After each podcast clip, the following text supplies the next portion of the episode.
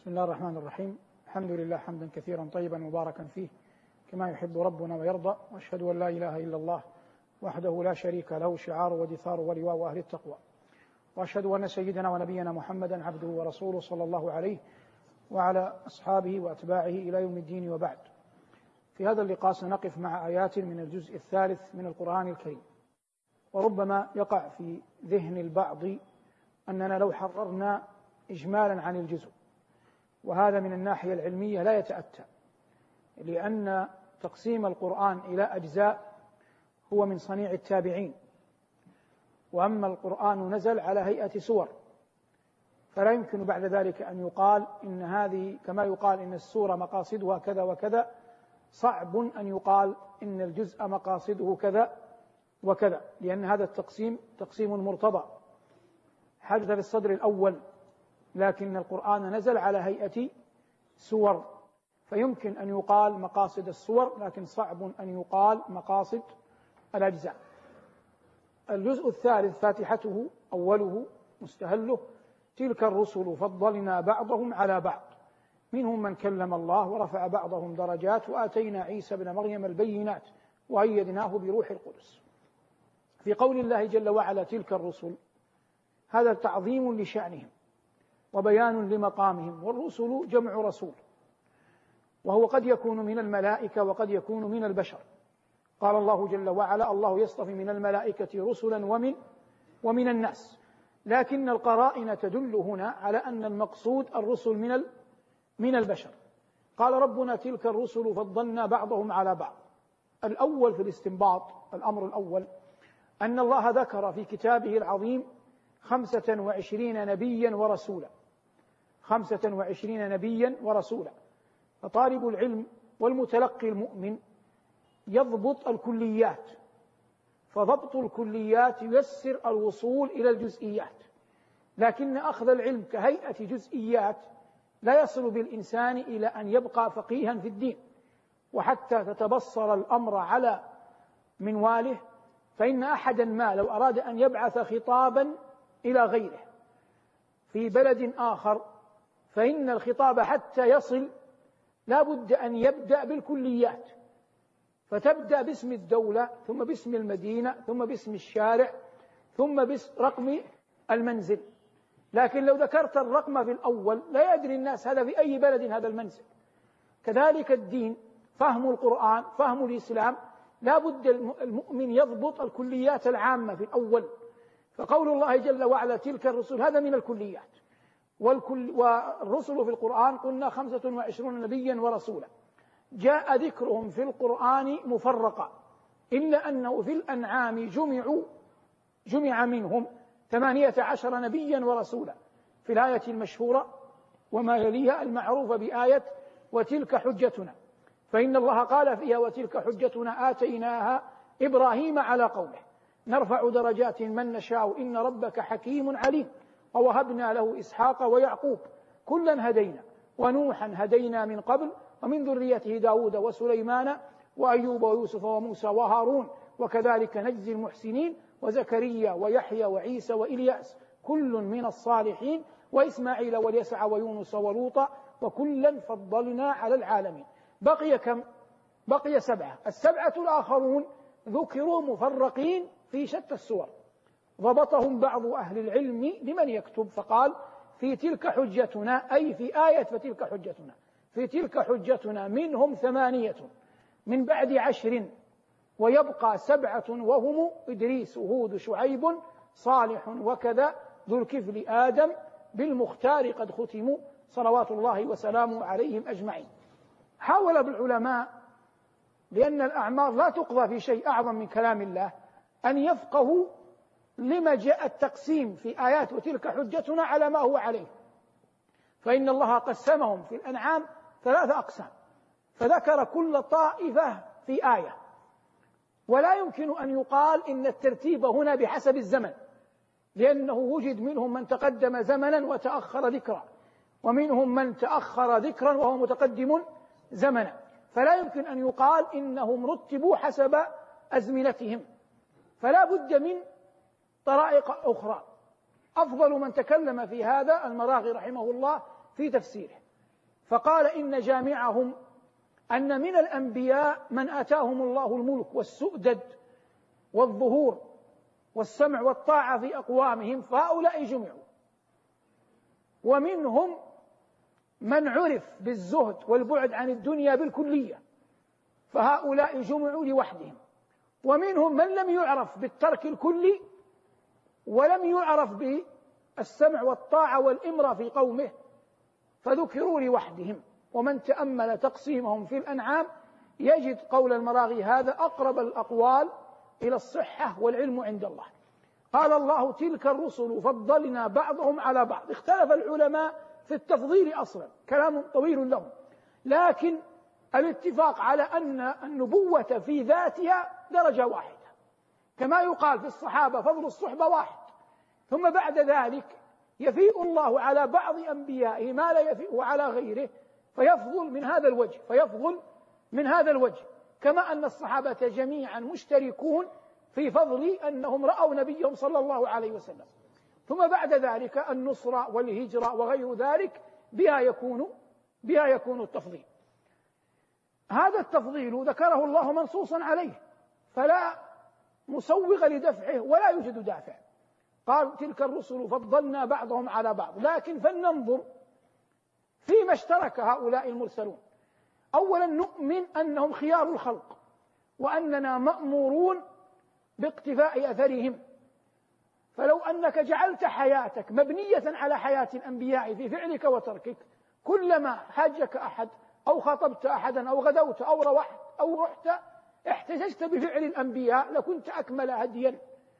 ولهذا قال الله جل وعلا أولئك الذين هدى الله فبهداهم اقتده ولما سمى النبي صلى الله عليه وسلم الحسن والحسين ومحسن بين العلة. قال سميتهم باسم أبناء هارون بشار وبشير ومبشر. فاخذها صلى الله عليه وسلم من تسمية هارون عليه السلام لأبنائه.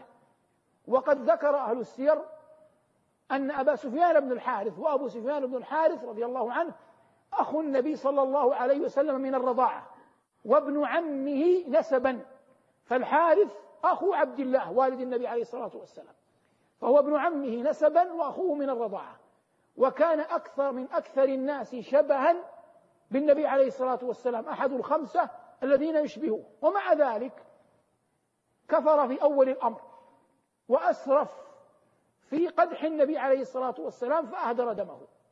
فلما عزم على التوبة وعاد خاف أن يقدم على رسول الله فلا يقبل رسول الله عليه الصلاة والسلام منه العودة فاستشار.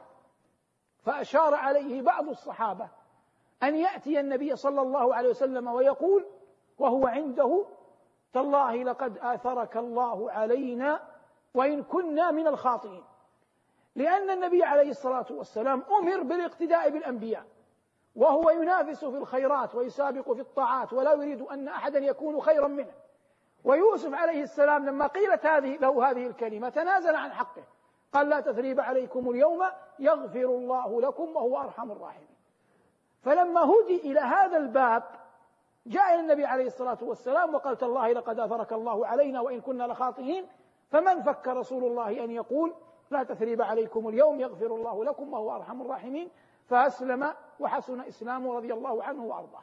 هذا أمر يجب استصحابه في قضية فقه حياة في حياة المرسلين. فالإنسان إذا ابتلي بداء جسدي تذكر أيوب رب إني مسني الضر وأنت أرحم الراحمين. وإذا ابتلي بعقم أو ما شابهه تذكر زكريا رب لا تذرني فردا وأنت خير الوارثين.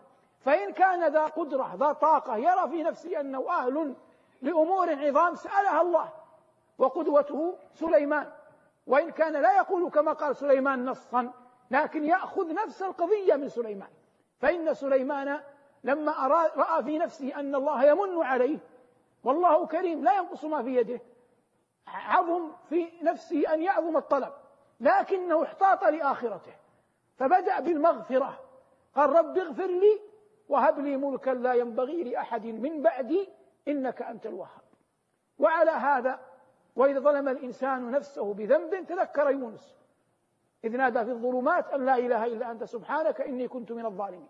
والمقصود أن يجعل هدي أنبياء الله نصب عينيك. هؤلاء الرسل كانت لهم خصائص اشتركوا فيها جميعا. فالنبي عليه الصلاة والسلام مثلا يقول نحن معاشر الأنبياء لا نورث. ما تركناه صدقة. فنفقه من الحديث أن الأنبياء لا يورثون درهما ولا دينارا وإنما ورثوا العلم. ويقول عليه الصلاة والسلام إن معاشر الأنبياء تنام أعيننا ولا تنام قلوبنا. لما أتتككم الليل استجبت لها تنام عينك أما القلب لم ينم الليل تسهره بالوحي تعمره وشيبتك بهود آية تستقم صلوات الله وسلامه عليه. ويقول صلوات الله وسلامه عليه إننا معاشر الأنبياء نخير عند الموت. فعائشة رضي الله عنها كان النبي صلى الله عليه وسلم يخبرها أنه يخير لكنها لم ترى هذا عيانا.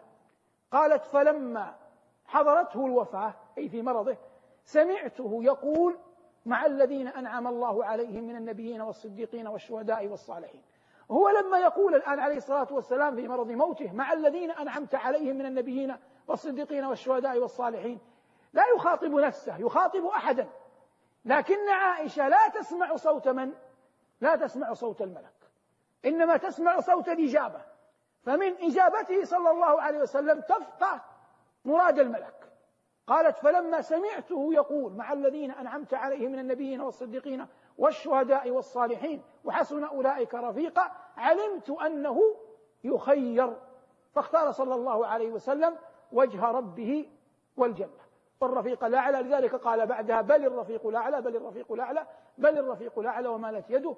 وفاضت روحه صلوات الله وسلامه عليه إلى أعلى عليين. في الوقفة التي تليها سنأخذ إن شاء الله بعض الخصائص من حياة المرسلين ونكمل تفسير الآية.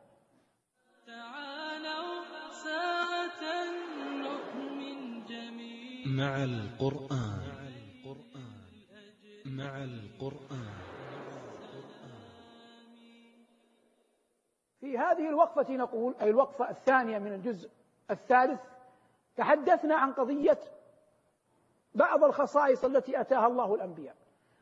وقلنا إنهم يخيرون بعد الموت بعدها يدفنون حيث يموتون. يدفنون حيث يموتون. وهذه أخذ بها الصحابة لما توفي رسول الله صلى الله عليه وسلم. فالبقيع بقيع الغرقد هو موضع اختاره النبي عليه الصلاة والسلام لأن يدفن فيه موت المسلمين. اختاره بنفسه إلى الشرق من مسجده وجعل السوق في الغرب وحدد مضمار الخيل فخطط المدينة في أيام حياته صلوات الله وسلامه عليه. فالبقيع هو الذي اختاره. ودفن فيه عثمان بن مضعون كأول المهاجرين الذين يدفنون في البقيع. ومع ذلك لما مات لم يدفن في البقيع لأن الصحابة اختلفوا أين يدفن. ومر, ومر معنا كثيرا أن العبرة لمن يملك النص. فقال أبو بكر أن النبي صلى الله عليه وسلم قال إنا معاشر الأنبياء نقبر حيث نموت أو ندفن حيث نموت. فكان قد مات في حجرة عائشة. والحجرة جمعها حجرات.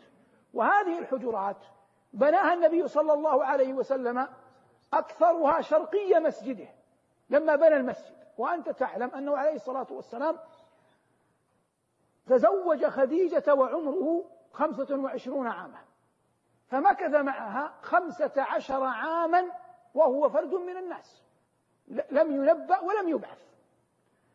ثم لما أتم الأربعين وكان له معها خمسة عشر عاما نبئ.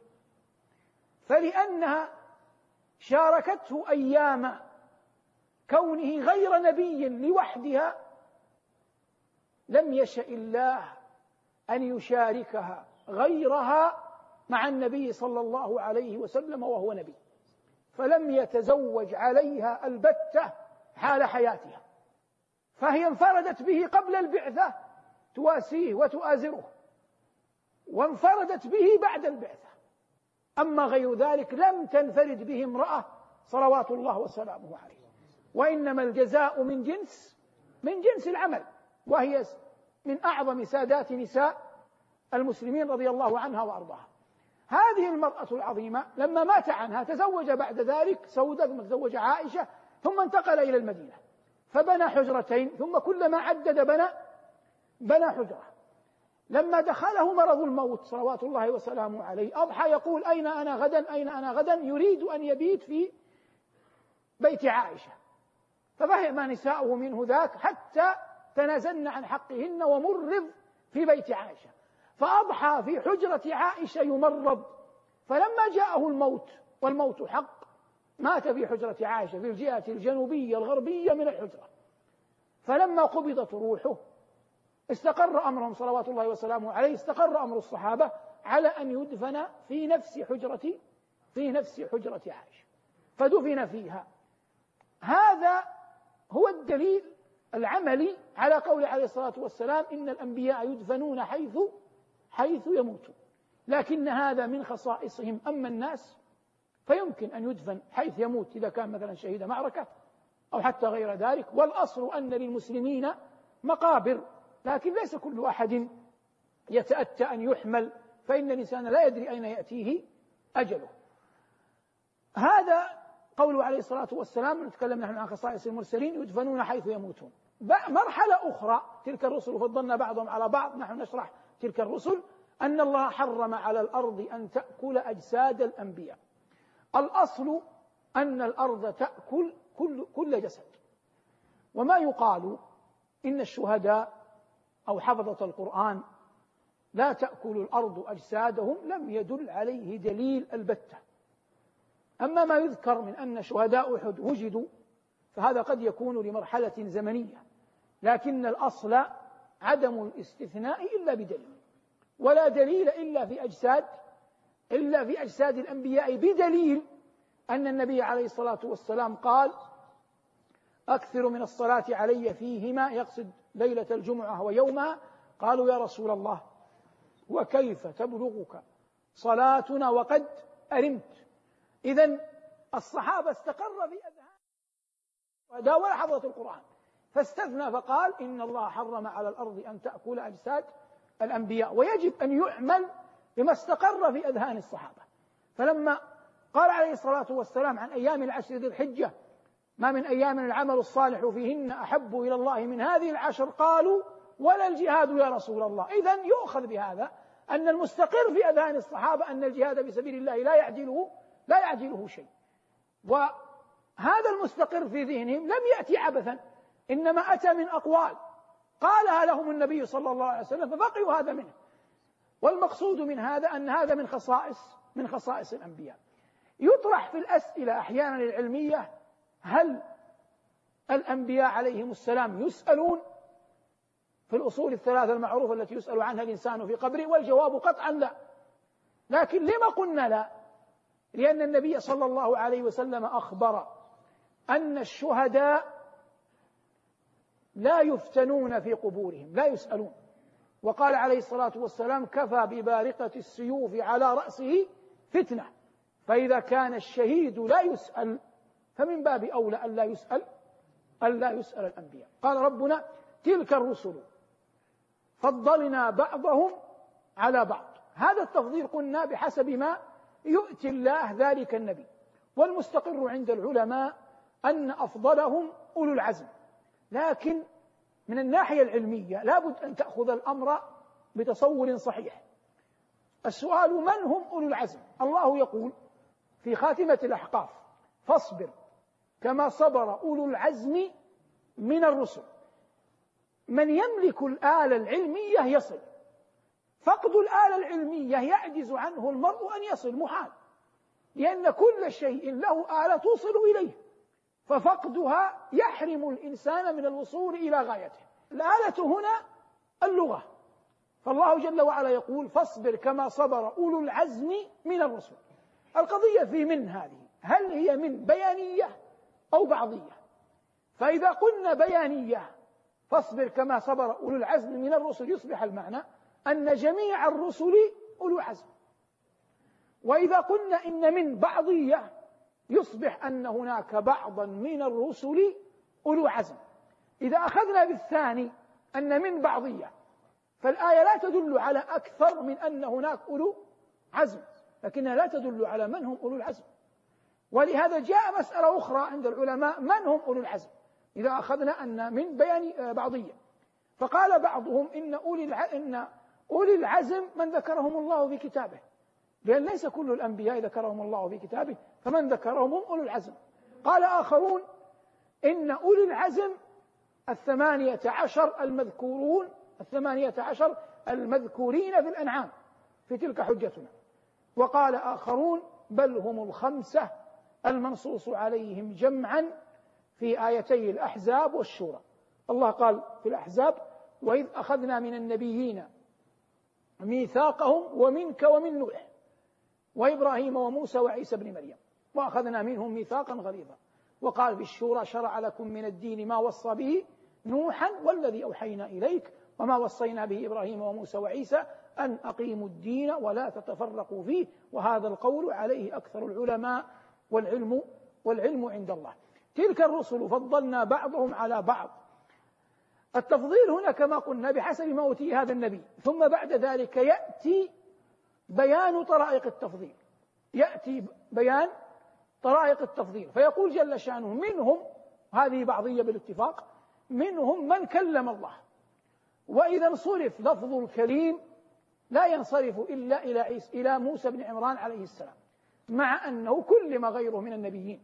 لكن الكليم إذا أطلق إنما يراد به موسى صلوات الله وسلامه عليه لأن الله قال إني اصطفيتك على الناس برسالاتي وبكلامي وقال جل ذكره وكلم الله موسى تكليما وقد كلم الله موسى مرتين. أولاهما بوعد أولاهما بغير وعد وهو عندما كان قافلا راجعا من أرض مدين إلى أرض مصر عند جبل الطور. والأخرى بوعد زمان زمانا ومكانا وإذ وعدنا موسى ثلاثين ليلة وأتممناها بعشر إلى أن قال فلما جاءه وكلمه ربه. فموسى عليه السلام هو كليم الله وآدم كلمه الله ونبينا صلى الله عليه وسلم كلمه الله. هذا المشهور عند العلماء من الذين فضلهم الله جل وعلا بالتكليم وفي الوقفة الثالثة إن شاء الله نتم هذه الآية ونتم قول الله جل وعلا إن الله اصطفى آدم ونوحا.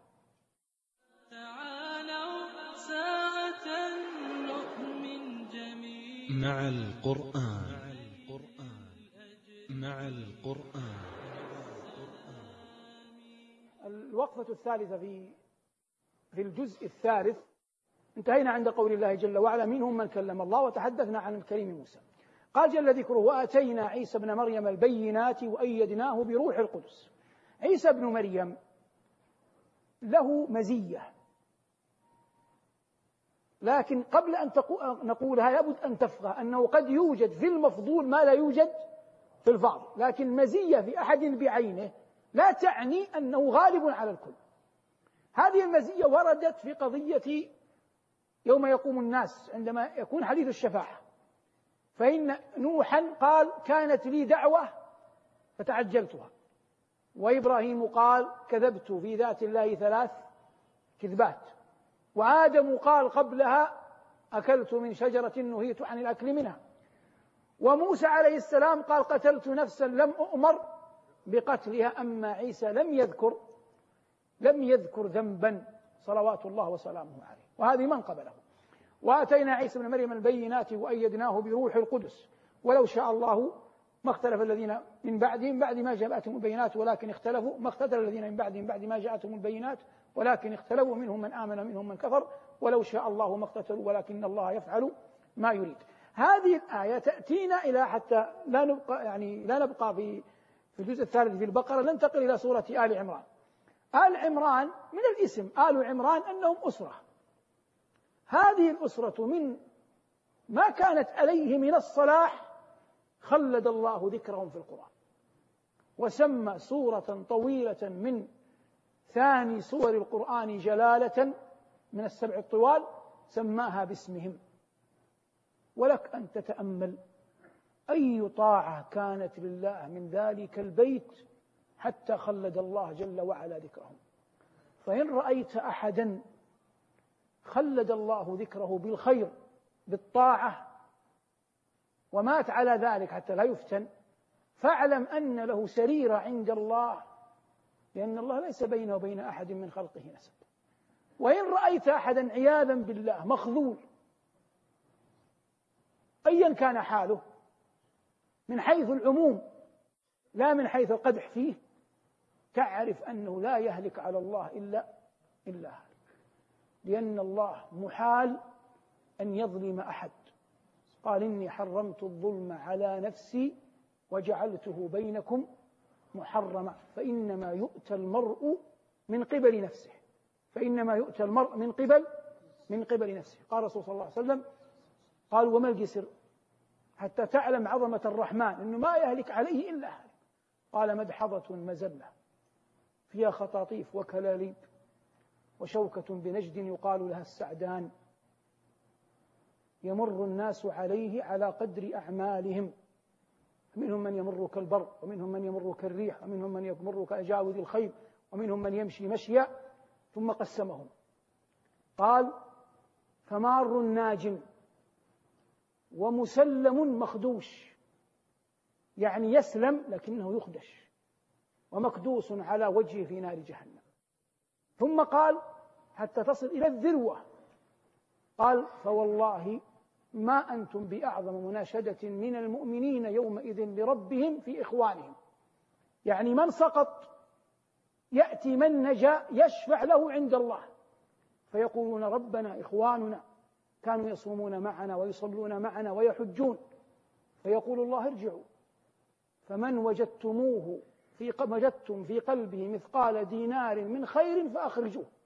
قال عليه الصلاة والسلام فيحرم الله صورهم على النار. ما معنى يحرم الله صورهم على النار؟ الذين يذهبون ليشفعون حتى يخرجوا حتى لا تلفحهم النار يصبح هيئة محرمة على النار.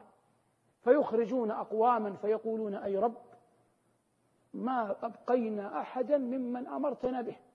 يعني من أذنت به أخرجناه ما بقي أحد. فيقول الله ارجعوا فمن وجدتم في قلبه نصف دينار من إيمان فأخرجوه. فيخرجون أقواما قد امتحشوا فيقولون ربنا لم يبق أحد ممن أمرتنا به. فيقول الله ارجعوا فمن وجدتم في قلبه مثقال ذرة من إيمان فأخرجوه. قال أبو سعيد راوي الحديث إن الله لا يظلم مثقال ذرة. فيخرجون يقولون ربنا لم يبق أحد ممن أمرتنا به. فيقول الله عز وجل شفعت الملائكة شفع النبيون وشفع المؤمنون وبقيت شفاعة أرحم الراحمين. فيقبض جل وعلا على أقوام في النار قد امتحشوا ثم يلقون في نهر يقال له ماء الحياة فينبتون كما تنبت الحبة في محيل السيل ثم توضع على رقابهم الخواتيم ويقال هؤلاء عتقاء الرحمن أدخلهم الجنة. ويقول لهم ربهم انظروا فما رأيتموه فهو لكم. فيقولون ربنا لقد أعطيتنا ما لم تعط أحدا من العالمين. فيقول الله جل وعلا ألا أعطيكم أفضل من ذلك؟ قالوا ربنا وأي شيء أفضل من ذلك؟ قال أحل عليكم رضواني فلا أسخط عليكم بعده أبدا. هذا الحديث وأضرابه لا يفقهه إنسان فيترك عمل هذا جهل. إنما يفقه فيه الإنسان أنه لا يهلك على الله إلا هلك وأن ربا هذه رحمته وهذا فضله وهذا إحسانه لا يمكن أن يهلك أحد بعد هذه الرحمة إلا وفيه من الشر. ما الله جل وعلا به عليم. وما الجوارح إلا تبع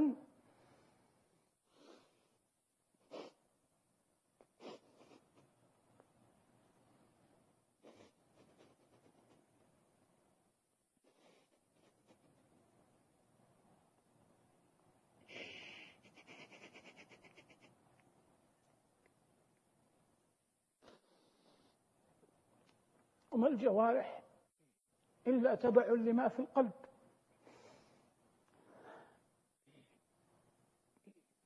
فمن خلصت لله تبارك وتعالى سريرته وسلمت نيته فليعلم أنه لا يمكن لأحد أن يكون أكرم من الله وأن الله يقبل على من أقبل عليه ويتوب على من تاب عليه ويرحم من فاء إليه. قال وهو أصدق القائلين وإني لغفار لمن تاب وآمن وعمل صالحا. ثم اهتدى. والمقصود من هذا أن الله جل وعلا اصطفى أهل هذا البيت آل عمران فخلد ذكرهم في كتاب يتلى إلى يوم القيامة. السورة باسمهم وهو يقول جل وعلا فيهم إن الله اصطفى آدم ونوح وآل إبراهيم وآل عمران على العالمين. مع أن آل عمران هم من آل إبراهيم. لأن إبراهيم والد ليعقوب ويعقوب هو إسرائيل وآل عمران من بني إسرائيل. فقول الله جل وعلا إن الله اصطفى آدم ونوحا وآل إبراهيم كاف. لكن على أن آل عمران كان لهم من فضائل العمل والطاعة والقنوت. أهل بيت صالح.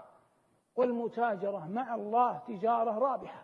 إن الله اصطفى اجتبى وفضل واختار. إن الله اصطفى آدم ونوحا وآل إبراهيم وآل عمران على العالمين. قال ذرية بعضها من بعض. والله سميع عليم. ثم قال إذ قالت امرأة عمران إذ بزمن مضى. إذ قالت امرأة عمران رب إني نذرت لك ما في بطني محررا. هي في أول الأمر طلبت الولد للولد لما تحمل من أجله النساء. رجاء أن يبرها أن يبرها ابنها لا كبر. فلما اطمأنت أن هناك حمل أرادت أن لا يكون هذا الحمل لها ينفعها إذا كبرت إنما أرادت أن يكون هذا الحمل إذا وضع يكون لله. رب إني نذرت لك ما في بطني محررا فتقبل مني. ومن شدة غلبة العاطفة عليها وصدق توجهها نسيت أنه يمكن أن يكون أنثى. وهذا لا يغيب عن أحد. كل أحد كل امرأة تحمل تتوقع أن يكون إما ذكرا أو أنثى. لكنها لصدق توجهها وشدة عاطفتها نسيت هذا الأمر وأعزمت أمرها وأجمعت أمرها على أن يكون لله يعني خادما في بيت من بيوت الله. إني نذرت لك ما في بطني محررا فتقبل مني إنك أنت السميع العليم. لما لم يكن بيدها أن يكون المولود ذكرا هذا ليس لها. قالت وإني سميتها مريم على الأقل الاسم. ومريم في لغتهم خادمة خادمة الرب. فأقل شيء تفعله أنها سمت ابن ابنتها مريم وإني سميتها مريم وإني أعيذها بك وذريتها من الشيطان الرجيم. صنعت ما عليها قال أصدق القائلين فتقبلها ربها بقبول حسن حسنت النية فحسن فحسن القبول. وكفلها زكريا كلما دخل عليها زكريا المحراب وجد عندها رزقا قال يا مريم أنى لك هذا؟ قالت هو من عند الله إن الله يرزق من يشاء بغير حساب. اللهم ارزقنا برحمتك من غير حساب. هذا ما تيسر إراده وتهيأ إعداده وأعان الله على قوله والحمد لله رب العالمين. مع القرآن نحيا في سلام فخير الوقت في خير الكلام. بتفسير وأخبار حسان عن المختار نبراس الظلام. مع القرآن إحساس تسامت به الأرواح في